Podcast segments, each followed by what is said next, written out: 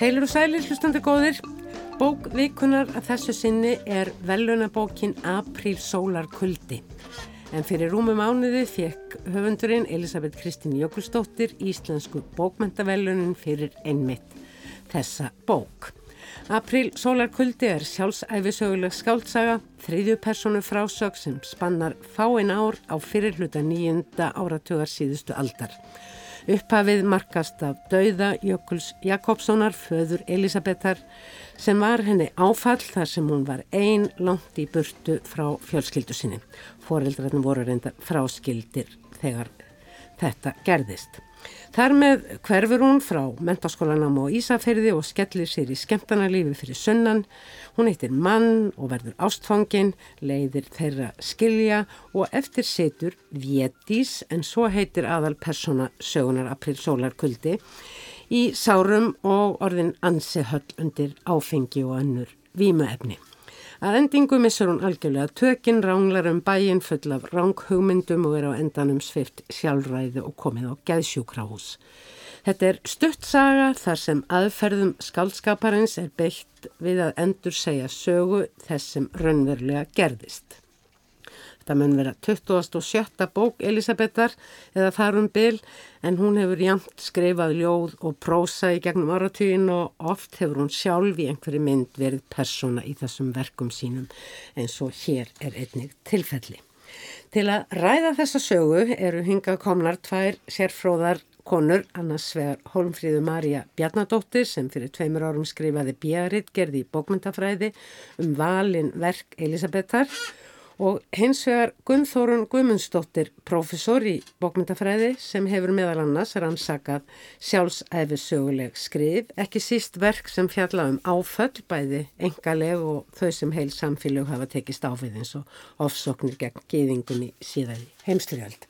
Velkomnar báðar tvær. Takk. Apríl sólarkuldi eftir Elisabetu Jökulsdóttur fekk Íslensku bókmyndavelunin í síðasta mánuði og er tilnæmt til fjöruvelununa. Hver veit nema hún hafi fengið þau þegar, þegar, hver veit, þegar þessum þætti verður útvarpað. Hvað er svona einstaktt og framhúsgarandi við þessa bók í fáinum orðum? Guðnþórun, lestrar hestur. ég, ég, ég kannski kannski bara fara hérna hinnalegin að þessu og hvað er það viðtökurnar sem að, svona, er sérstakt núna að svona bók hljóti svona, svona viðkenningu. Akkurat, það hefur nefnilega líka sitt að segja. Já, ég held að það er sitt að segja sko vegna þess að auðvitað er í umræðinni náttúrulega núna, svona svolítið mikið talað um geðhelbreyði uh, og, og hérna og einmitt svona sögur fólk sem að hafa glýmt við ímiskunar hérna gæðsúdóma verið ofarlega á bæi eins og náttúrulega í síningunni Vertu Úlfur núna og náttúrulega bókinni sem hérna, verkið er byggt á. Og, og svo heimildamindin Þriðipótlin um Önnu Töru Edvards og Hagna Eilsson mm. þannig að það er svolítið þetta er einhvern veginn svolítið umræðinni þetta kemur náttúrulega alltaf reglulega í, í svona bylgjum svona umræða, umræða um hérna gæðsúdóma og reynslu fólk sem hefur lendt í þessu Og svo er hins vegar svona kannski bara þessi aukni áhugi á sjálfsæfisögulegum bómyndum og kannski í bara auk, aukin viðurkenning á slíkum bómyndum. Það hafa náttúrulega verið uh, sko hér á landi þetta færðin ár svolítið í sókn. Það var svolítið margar komið út af margvíslang toga. Margar, margir kvenriðtöndar sem eru að fástu þetta og byggt svona skáldverk og frásatnir og sögur í kringum sitt sjálf eins og til dæmis Otni Eir Ævarsdóttir og mm -hmm og fleiri. Þannig að það kannski líka einhver meiri jarðafegur fyrir slíkar frásagnir og ekki litið á þar sem, sem bara, bara segi gæsalöpum, heimildaverk heldur einmitt sko það eru svona metnar sem skálskapur. Mm. Hvað segir þú Hólfríður? Hvað fannst þér spes og þér eru vendarlega kannski ekkert komið á vort að hún var í velunni þessi bók? Nei, mér finnst Elisabeth nefnilega svo vel að þessu komin og ég held fólk sé loksins núna almenlega aftur að taka eftir henni. Því hún skrifaði svo lengi bækur uh, sem mér finnst kannski ekki að veri metnar að verðarleikum. Kannski náði ekki alveg svona inn í megin Já, ströyminn. Hún gaf þær margar út sjálf, seldi þær sjálf. Fólk misti bara af þeim. En núna við lestur þessara bókar þá er fólk að sækja í gömlu bækurnarinnar aftur, bæði á bókasöfnum og í búðum Mm.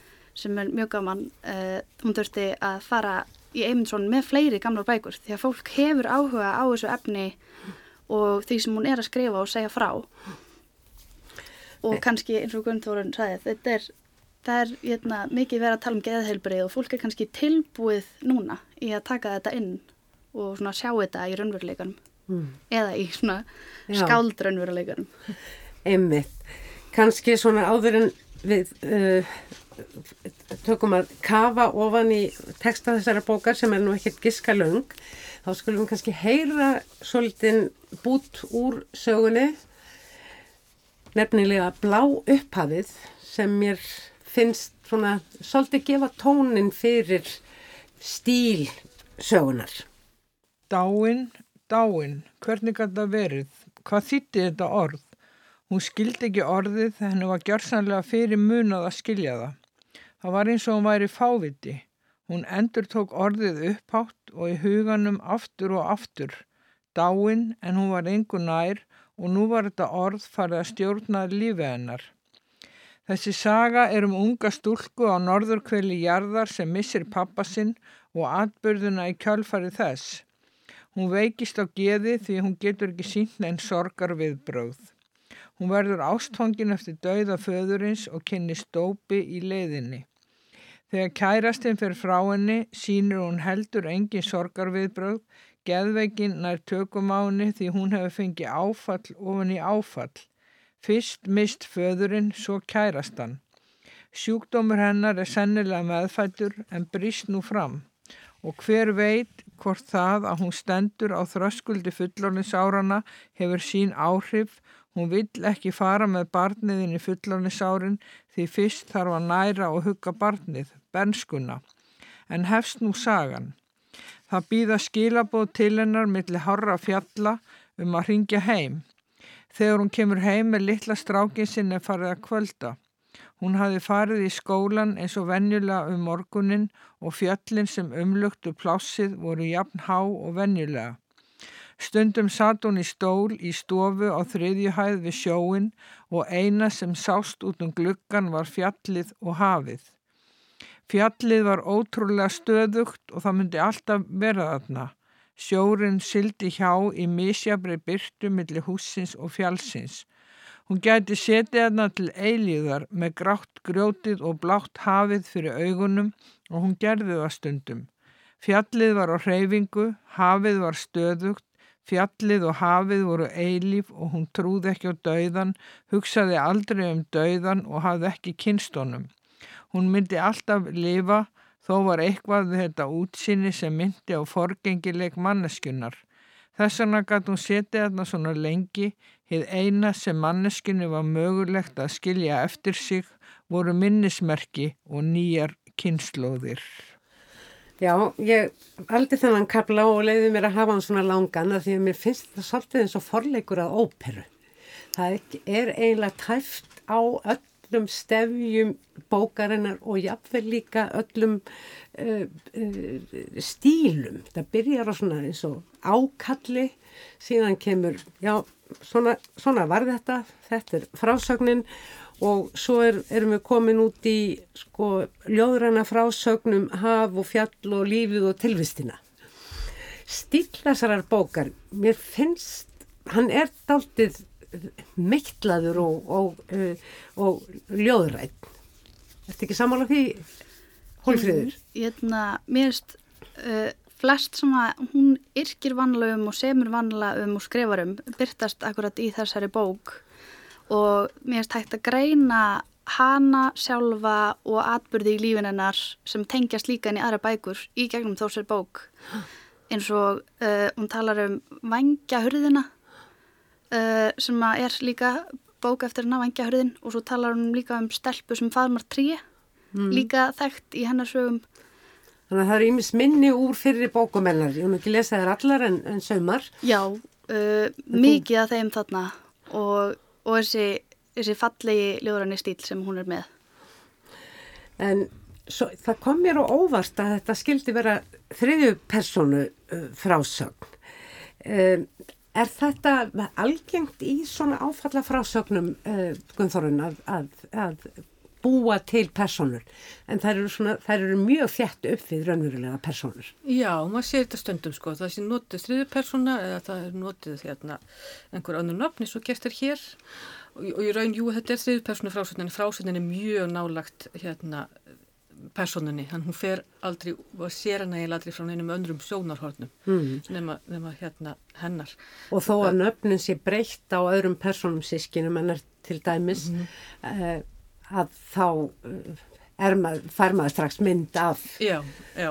þeim bræðrum. En, já, já, akkurat. En maður sko, þetta er svondum notað eh, einmitt til þess að einhvern veginn er náttúrulega fjarlæðið sig svolítið atbyrðunum til þess að hérna að, að þurfu ekki að, að vera inn í þeim miðjum heldur, heldur vera í svo rítari og ég man til dæmis að Pól Óstur gerir þetta á einum stað þá kallar hann sig A og, og finnur þar eitthvað frelsi frelsi til frásagnar og frelsi til þess að, að komast út fyrir ég ég sem getur verið íþingjandi og sem getur líka svona sko verið, verið svolítið svona bara eiginlega heftandi í því að þú, þú nærði ekki dendilega einhverjum frásóknar boga eða, eða slíku. En þetta er samt svolítið aðtilsvert að því að það er hérna einn kona sem hérna, skrifaði um eh, sína reynslu af, af svona, eh, já hún var reynda ránglega greint með geðsútum eh, en, en hérna, skrifar um þá reynslu, hún var sett á geðvegra hæli og svo framvegis og og hérna líf hennar mótaðis mjög á þessu nýsjálenski höfundurinn Janet Frame. Að hún talar um sko þess að sko þrúandi tilvist triðjupersonunar þegar aðrir er að tala um hana Já. og hún hefur ekki lengur rött og, og má ekki segja neitt að þá, mér finnst það svolítið svona aðtilsvægt að hugsa um þá mótsögn sko annars verður vera að tala um þig mm -hmm. og hins vegar er þetta þín rött En það gæti verið, sko, ég spurði Elisabeth Emitt út í þetta í viðtali sem uh, var í viðsjá í vikunni og þar talar hún Emitt um að ef hún, hún hafi reynd að skrifa þetta í fyrstu persónu en það hefði orðið, þá hefði hún orðið svo nákvæm og mikill skrásetjar og bókin hefði orðið svo laung og hún hefði eiginlega bara þurft að stökva inn í atbyrðarrásina og, og fara með henni á því skriði sem hún hefðu upplifað hann á sínum tíma. Þetta er ju mjög stökt frásag. Já, emitt. Og það, og það, og það er líka sko, um, það er líka því að þú veist, hún, hún náttúrulega skiptir sér þarna. Þetta er hún á þessum tíma, bara mm. á þessum tíma. Hún er ekki að tala um sko líðan sem hún er með alltaf. Hún er ekki að tala um viðvarandi ástand. Nei. En heldur er hún að tala um svona mjög afmarkaða periódu. En samt líka eitthvað svona mótun uh, eitthvað svona hvernig hún verður það sem að hún verður auðvitað skilur eftir svona smá framtíðina að við vitum, við vitum eiginlega öll uh, hvað gerðist, hvað gerðist eftir. og þá, mér finnst það svona greinanlegt þarna í endan, þá eru eitthvað já, hún er að stíga inn í manjuna og þetta er bara eitthvað svona fyrsta manjan þá af mörgum hún mun oft leita svara og leiða út úr þessu. Já, einmitt. Hún segir endar á nokk, eh, allavega á tveimur stöðum sem mér minnist þetta sko, eh, en uh, það er eitthvað sem að gerðist eftir að þessari sögu líkur. Já, einmitt, hún nota það svolítið og það er nú svolítið eins og hún sé að stríða sko lesendanum með því að því, þú veist, einmitt, eins og hólfröður segir við veitum hvað gerði svo Já. og svo líka náttúrulega er hún mjög mikið að fara aftur í tíman.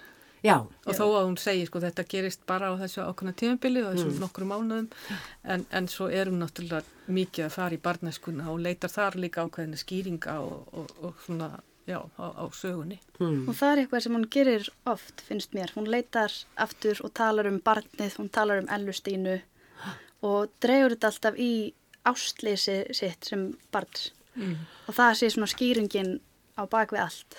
Og svo er upplast líka kannski auðveldar að, uh, að fjalla í þriðju personu um all, alla þess aðstandendur sína og ástvinni sem henni þykir greinilega mjög væntum en þarf samt að, að segja um þá uh, og lýsa þeim að einhverju leiti eins og kannski, uh, já, þeim þætti ekkit voða skemmtilegt að heyra. Mm -hmm. Þetta er jú liðin tíð. Já, þetta, þetta kallar á ákveðu form. Það er, það er einhvern veginn þannig. Já, og, þetta, og greinilegt að viðtælinu við hann að hún var lengi að finna þetta form. Ég spurði hann líka hvort, hefði, hvort hann hefði skemmt sér við að vera með vétísi og við skulum heyra uh, hvernig hún svaraði því. Já, mér fannst það og ég hafði mikla samúð með henni og það var kannski samúðin og, og sem kemur þegar að, að maður nota þriði personu heldur en þá mingar skömmin að því ég hafði svo ofbáslega skömmi yfir því að veikjast og ég fór í svo mikið þunglindi eftir ég veiktist og og skammin var blek svört og, og uh, ég uppgöttaði að löngu setna að, að hérna, það er ekki bara einstaklingurinn sem er veikur heldur er heilt samfélag veikt. Hvernig samfélagi tekur á veikindum sínir að samfélagið er veikt Já um, eru sjálfsæfisögulega bækur um personuleg áföll sem að þú hefur nú lesið mjög margar guðnfórun eru þær stund, stundum e, e, orkaðar jáfnvel að fólk sé að reyna eða höfundurinn sé að reyna að fá samúð með, með sjálfum sér eftir e, svona áfall sem að getur jú kallað á viðbröð sem að uh, geta verið misvísandi.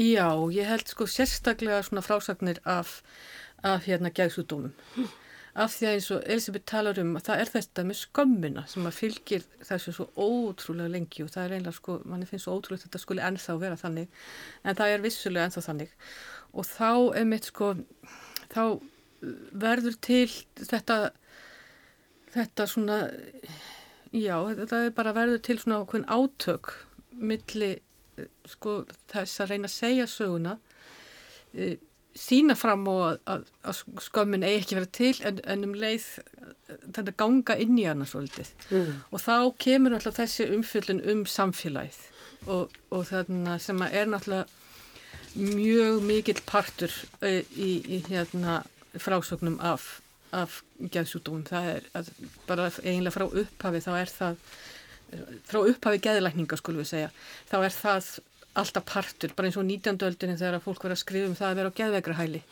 og, og, og svo setna mér þegar, þegar fólk verið að skrifa um það um, að hafa fengið raflósmeðferðir og oft voru þetta sko þetta var eina leiðin fyrir, fyrir samfélagið að vita sko hvað var að gerast og vita hvers konar líðan og hvers konar upplifun það var að ganga í gegnum þetta mm. þannig að þessir tekstar hafa, hafa subi hverjir hreinlega breytt uh, meðferð á, á hérna gæðsvöklingum og geta haft mjög mikil áhrif á viðþór samfélagsins til þeirra sko. Or, orðið hluta lækna vísindunum. Já, já, það er, það er fræg saga sko um 19. aldar texta sem er hérna mjög frægur uh, The Yellow Wallpaper uh, sem kom út uh, undir lok 19. aldar þar sem að kona var sendið í svona kvíldar meðferð og það var sérstaklega fyrir sko konur að það ættu nú ekki að vera í einhverjum svona intellektúal pælingum, ættu ekki að vera að lesa eða skrifa eða gera neitt slíkt, heldur mm. ættu einmitt bara, það ættu helst ekki að hugsa og, og geðrætnirinn sem að hafi séð um þessa konu viðkendi setna þetta, að þessi frásögn hefði haft áhrif á að hann breytti vennum sín. Og þessi kona sem umverða ræða, ef ég mann rétt að var hún ríðtöfundur og henni var, eins og þú segir, bara bannað að skrifa sem að núna er bara góð leið og mælt með að fólk skrifi út tilfinningar sínar og finni þá líka sjálft hvernig þið líður. Já, einmitt. Skrifa sjálfið út. Okkurat. Þetta eru mjög stórar tilfinningar sem þarna er, er líst og, og uh, makalösri uh, sko, uh, makalösri uppnámi og átökum bæðið innra og hitt ytra. En við fáum líka daldið svona eh, hún, hún er, hún er all, samt alls ekki þung þessi bók, við fáum hún er mikið að þvælast um bæin hún er að fara út að skemta sig, hún er að vinna á kleppi og það er oft gaman. Og hún er skemmtilega uppbyggð bókin ekki satt hún skiptist í fjóra hluta fyrsti hlutin er svona þetta áfall og svo þegar hún kemur í bæin og hendir sér í í skemmtanalífið og kynnist kertani kærastanum.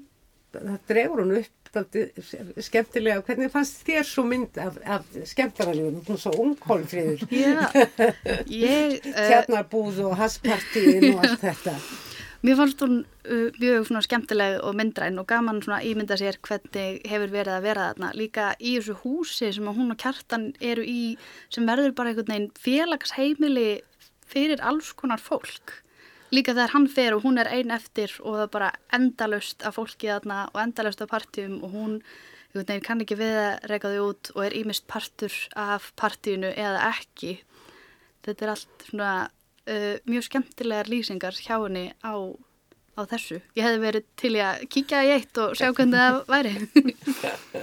Þannig líka erum við á leið inn í maníuna sko. Manían er náttúrulega sko, þar er æsingurinn og hraðinn og, og, og það er alltaf gerast og, allt, mm. og náttúrulega brjálæðið eins og við kollum það og það er náttúrulega eitthvað sem skáldskaparinn hefur mjög lengi verið hrifin af bara um, um franska ljóðlist á 19. öldu eða eitthvað mm. slíkt sko þá er náttúrulega þessi bæði sagt, það, þetta eitthvað svona andlegt ástand sem þú kemst í sem er yfir hinnu hverstarslega hvort þú kemst í það með, með hérna utan á komandi hjálp eða hvort að hérna, þú ert í einhvers konar geðrúfi þá er þetta einhvers konar sem hefur heillað mm. hérna, höfunda mjög mikið þó að eins og margir benda á að þá náttúrulega er enginn sem semur neitt í manjunni sjálfri það, þar, þar liggur ekki sköpunin en það er samt svona, það er ákveðin maður, maður þekkir svona þessa romantíseringu á, á svona manju sem að, mm. hérna, er svona kannski svona sterk mynd. Hún verður efni viður.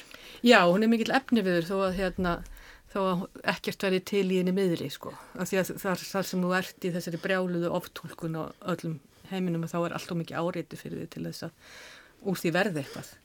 Þetta er bara eins og uh, ég fekk smá svona upplifun af því að hún væri í svona escape room þegar hún er aðna að leita að þessum löstum, hún fer og hittir vinkonu sína og ákveður það og hún eigi að fara á götu sem ber nafn, sama nafn á vinkonan. Þetta er svona, hún er að leita að liklum allstaðar til að komast alls konar áráttu hegðun. Já, Já þessi oftúlkun og öllu, þú ert að fá skilabór eh, allstaðar aður umhverfin, allt í umhverfinu eru skilabór beint til þín, sérstaklega mm. til þín og engis, engis annars sko.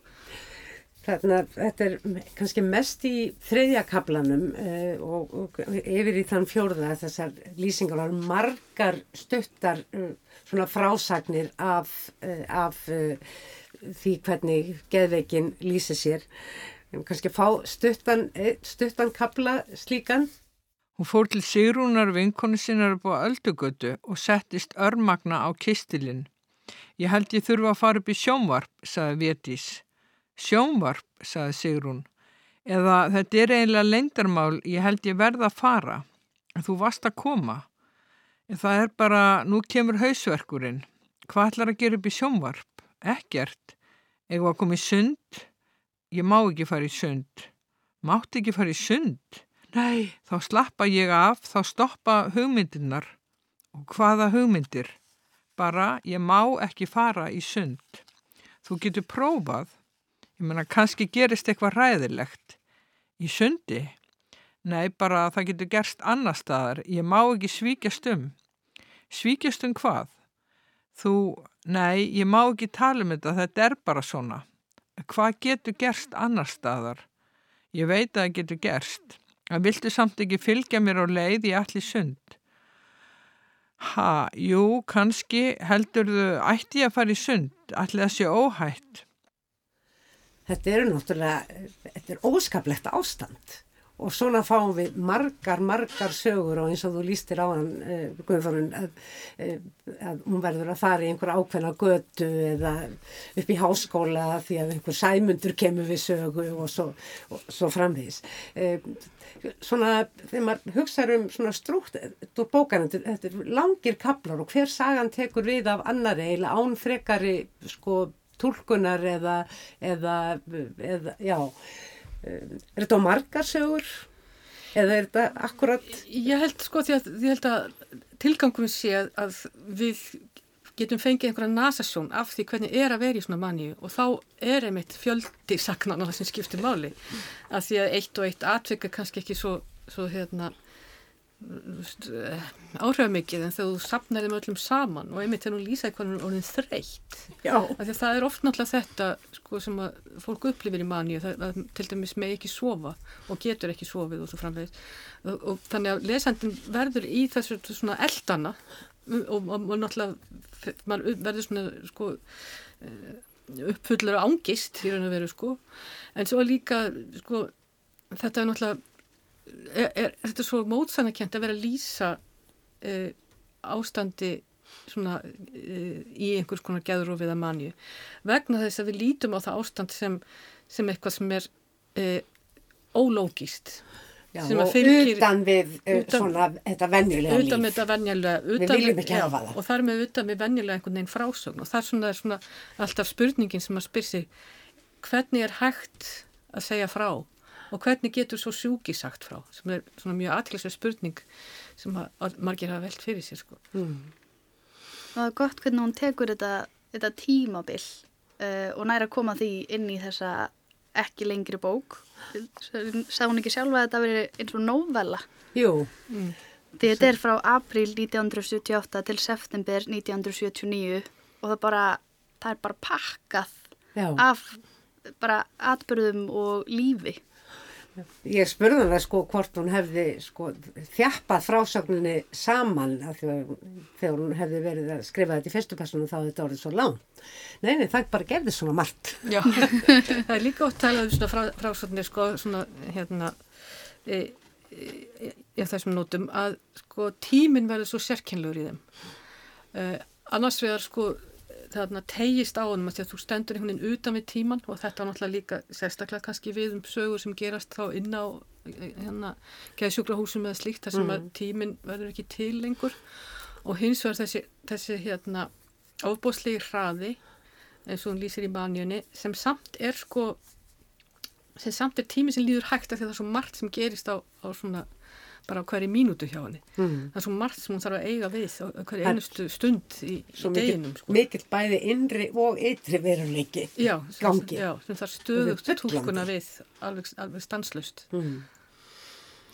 Svo er náttúrulega sko mikilvægur þráður í þessari bók eru náttúrulega uh, sem sagt samskipti og, og tengsl hennar við móður sína og það sem að gerist í síðasta kaplanu þegar að já, eh, móðurinn tekur til sinna ráða og tekur af henni ráðin. Og hvernig fannst ykkur sá, sákapli?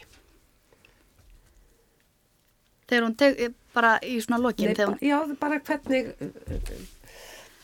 uh, talar um að uh, móður sína hafi skipað henni þetta og hitt og hún hafi aldrei fengið að vera batn og ímislegt sem er svona, í því líkur svona ákveðin ásökun. En, en svo seg, segir hún ekki líka að setna hafa hún skilið að hún væri að reyna bjargunni og hérna, að þetta hefði verið mikilvægt atvik þó að hún hafi verið þarna uh, handvissum og hún gæti losnað út úr manjuinni ef mammenar myndi bara samþykja það sem var að gerast og hjálpenni og ekki láta lögguna takana í burtu. Heldur þarna myndi hún frelsa heiminn því að hún væri frelsið eða heimurinn sem þyrfti að frelsa. Þetta er, þetta er mjög meitt svona sko þetta er náttúrulega svo ofsalega erfið og, og flókin svona uh, fjölskyldu sambund þegar, að- þegar það er geð sjúkdómur á ferðinni. Það og tala nú ekki um þegar að hérna eh, þegar lögin voru þannig að aðstandendur þurftu að láta svifta hérna eh, viðkomandi sjálfræði en það var ekki, það var ekki önnur yfirvöld sem, sem er náttúrulega það er náttúrulega sprengdi fjölmargar fjölskyldur maður ma, náttúrulega þekkir það. Mm, þannig að hún er náttúrulega, ma maður sér að það er náttúrulega ásökun hana alveg augljóslega en líka eh, einhvers konar einhvers konar sátt. Já, já, og, og, og, og líka viðkenning á því að þetta sé sko hennar viðþorf og þetta er hennar viðþorf inn í maníunni. Eh, Þannig að það er ekki svona rödd sem kemur sko og, og, og, og hérna hefur einhverju orð um þetta svona almennt eða eitthvað slíkt heldur er þetta sko, hún er ennþá inn í maníunni þegar hún vill að láta mömmu sína hugga sig en ekki auðvitað senda hérna lögguna á sig. mm, En úr leiði eru náttúrulega einhvern orð bókarinnar þessi setning frá, frá móðurinnar sem segir heiminum hefur verið gert svo margt. já, Þannig að það er líka náttúrulega bindur þetta saman á ákveðin hátt. eh, þetta er sko, þetta er eins og langt ljóð að sömu leiti eða getum líka sagt sko uh, útskýrandi bæn. Já, þetta er, þetta er eitthvað svona já, það, ég held sko að, að tímaraminn gerir þetta svona intensív frásöld sko. Mm -hmm. og ég held að hún hafi fundið emitt aðferðina til þess að, að hérna að ná þessum sko bæði miklu harmi sem hún er að upplifa með dauðaföðurins mm. og, og svo hins vegar e, þetta flókna samband sem hún á við fórtíðin og við móðurina og svo eru svona eins og ég segi líka þessi svona, svona anekdótisku uh, senur uh, úr skemmtarnalífinu eða bíltúrum með skúla frænda sem er nánast óborganlegur og, og hérna uh, og, og vissulega bara ákveðin léttleiki á, á köplum og, og, og, mikið, ég hlók oft við, við þennan lestur. Já, mér finnst Elisabeth aldrei hrætt við einhvern veginn að vera heiðarleg og gera grín af sér og því bara hvernig lífið er í raun og veru. Hún kemur bara fram á uh, sjónumsviðið og í bókum og segir bara þetta er svona og það er bara eins og lífið er og getur verið ótrúlega komist og verður að fá að vera komist svo að við höldum öll áfram að vera til. Já, þetta er alltaf ekki, sko, þetta er ekki þunglindisbókin, sko. Þetta er alls ekki, alls ekki þar, sko. Mm. En, en, en samt eins og, eins og ég segi, samt er náttúrulega mikil... Mikil sásöki, mikil harmur. Já, mikil átök. Já, og, mikil, mikil átök, eins og segir. Finnst þér, uh, Hólmfríður, að því að uh, þú nú svona sérstaklega stútir að bækur Elisabethar, finnst þér þessi bók skera sig úr? Er hún að fara inn á einhverjar nýjar brautir? Ég held að það sé aðalega bara öðruvísi að hún sé að taka fyrir þennan sérstaka kabla í lífinu og segir okkur að þetta er þessi tiltekni kabli uh, og fjallar um það Eh, en hún hefur alveg tekið fyrir svona sögu áður ekki þessa sögu nákvæmlega en eins og svona kapla ár sínu lífi eins og í heilræði lásasmiðisins mm. það sem hún er með ákveðna sögu. Uh, ég veit ekki hvort mér finnst hún skera sig úr einhvern veginn öðruvísi frekar en að mér finnst hún vera annað pústl í einhverna reysastórt en alveg eh, hérna, stórt pústl í uh, heið stóra púsl sem að Elisabeth er og bækurnar hennar höfundaverkin. Því ég stundum heldur fram sko að hún uh, sé alltaf að fjallum sjálfan sig og, uh, og það er svo sem kannski að einhver leiti rétt en hún gera það mjög ólíkum hætti. Hér er hún með sagt, personu með öðru nafni í sko endreginni þriðu personu frá sögn. En svo hefur hún líka skrifað um semst allt aðrar personur þar sem að svona ákveðnar tilfinningar og aðstæður um, úr hennar eigin lífi koma við sögu eða þá hún beitir beinlinni svona einhvers konar alltaf egoi eins og í ellustínu bókunum. Og svo talar hún líka oft um konuna og skrifar út frá konunni hvað konan er að gera, hvernig henni líður og þá gæti þessi kona mjög líklega verið hún. Það er í mörgum ljóðunum, ljóðum hjá henni, bæði barnið og konan Já. sem gæti verið bara byrtingamendir af henni. Er þetta feminísk bók? Við höfum talað mikið um konur og geðveiki hérna. Hún er það ekki svona uh, á, á einhvern mjög hérna, afgerandi hátt, afgerandi hátt eða, eða það er ekki í forgunni en auðvitað uh, sko lesmanna inn í svona texta hvaðna sem, er, sem er að hefa fjallað um svipuð efni sko. Þannig að auðvitað er þetta svona að þýleiti er þetta partur af, af þeirri sögu mm. og það er einmitt sko, það verða náttúrulega mikil skil sko í, í annari bylgi feminismans og þar sem að koma mikið fram af konum á sjónarsviði sem fara fjallað um sína reynslu og fara að skrifa um sína reynslu og sem þar með er að gefa þessari reynslu rött og viðurkenningu og, og, og svo framvegis. Og þá náttúrulega voru oft einmitt tekstar sem höfðu eitthvað einmitt tengdir sagt, já þá yfirleitt sko einhvers konar meðferð við geðsúdómi hjá konum sem voru vægast oft oft sérkennleir og, og svo hins vegar bara hvernig þarna eh, reynsla hvenna var stundum bara gerð að sjúkdómi mm. sjúkdómsvæðing bara, samanbyr hérna Kvenleikans. Já, samanbyr hérna hy- hysteríuna og, og allt það sko Já. en það er líka bara eins og hjá Silvíu Plath og, og fleirum svona á sjönda og átt- áttunda áratögnum þar sem að, að, að þessi reynsla er dregin almennilega fram í dagsljósið sko með svona tegundum af frásögnum sko Konur földu líka svo oft skrifin sín og bara skömmuðust sín fyrir þau. Elisabeth tala mikið um skömmuna en kannski ekki eins mikið skömmuna um að skrifa. Hún hefur ju alltaf gert það og verið dögulega að koma því frá sér, jáfnvel. Já. Mm. En þetta er líka svona stjættabók. Hún talar um sína fjölskyldu, bæði móðu fólki sitt og föðu fólki, sko, sem, að, sem eru svona betri borgar og svo er kjartan.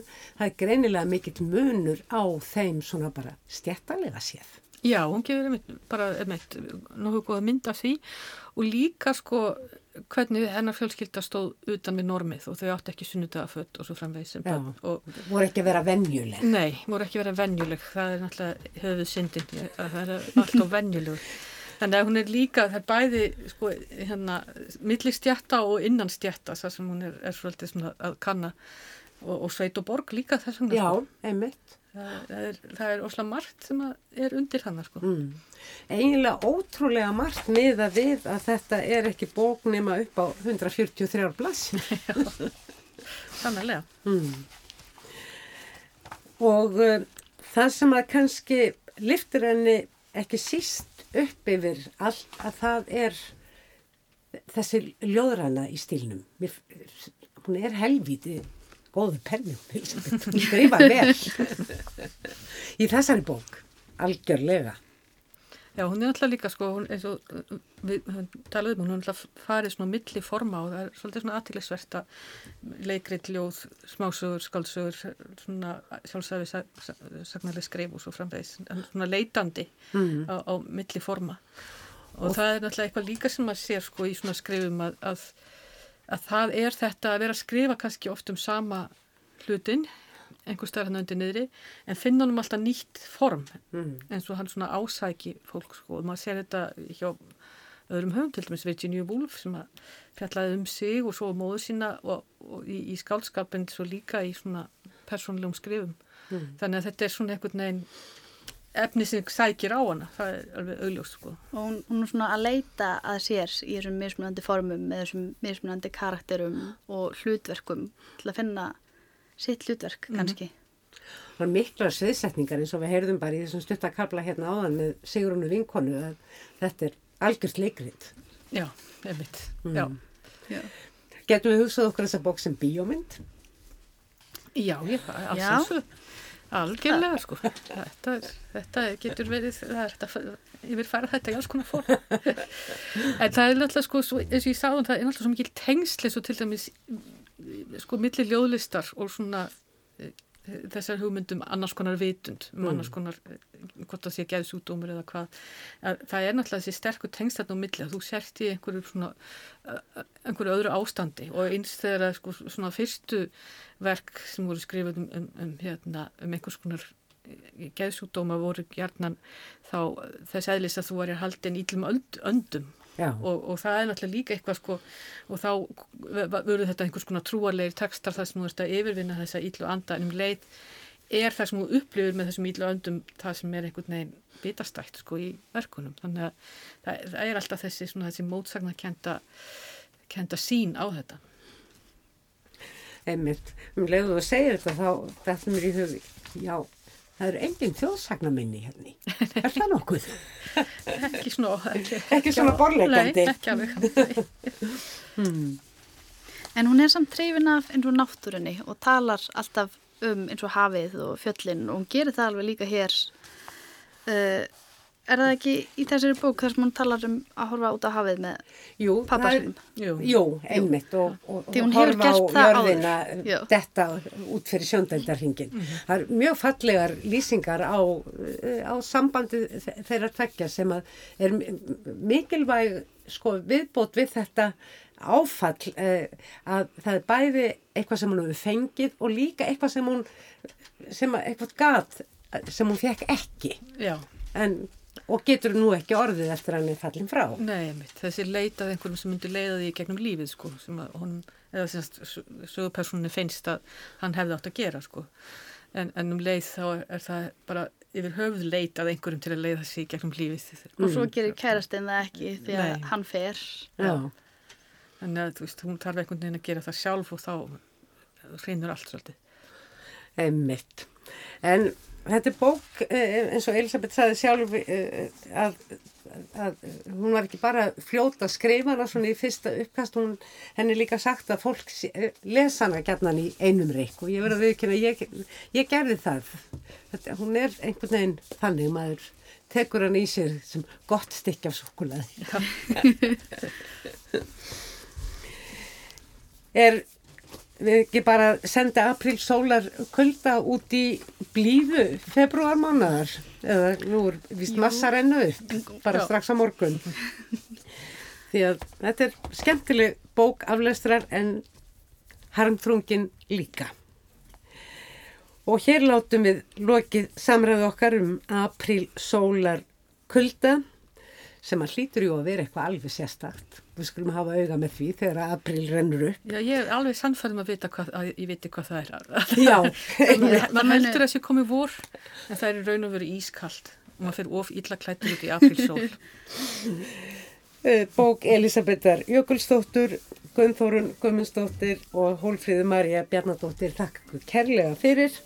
Tæknimaður þessa þáttar var Úlfildur Eistensdóttir, ykkur hlustandum þakka ég fyrir samveruna verið sæl.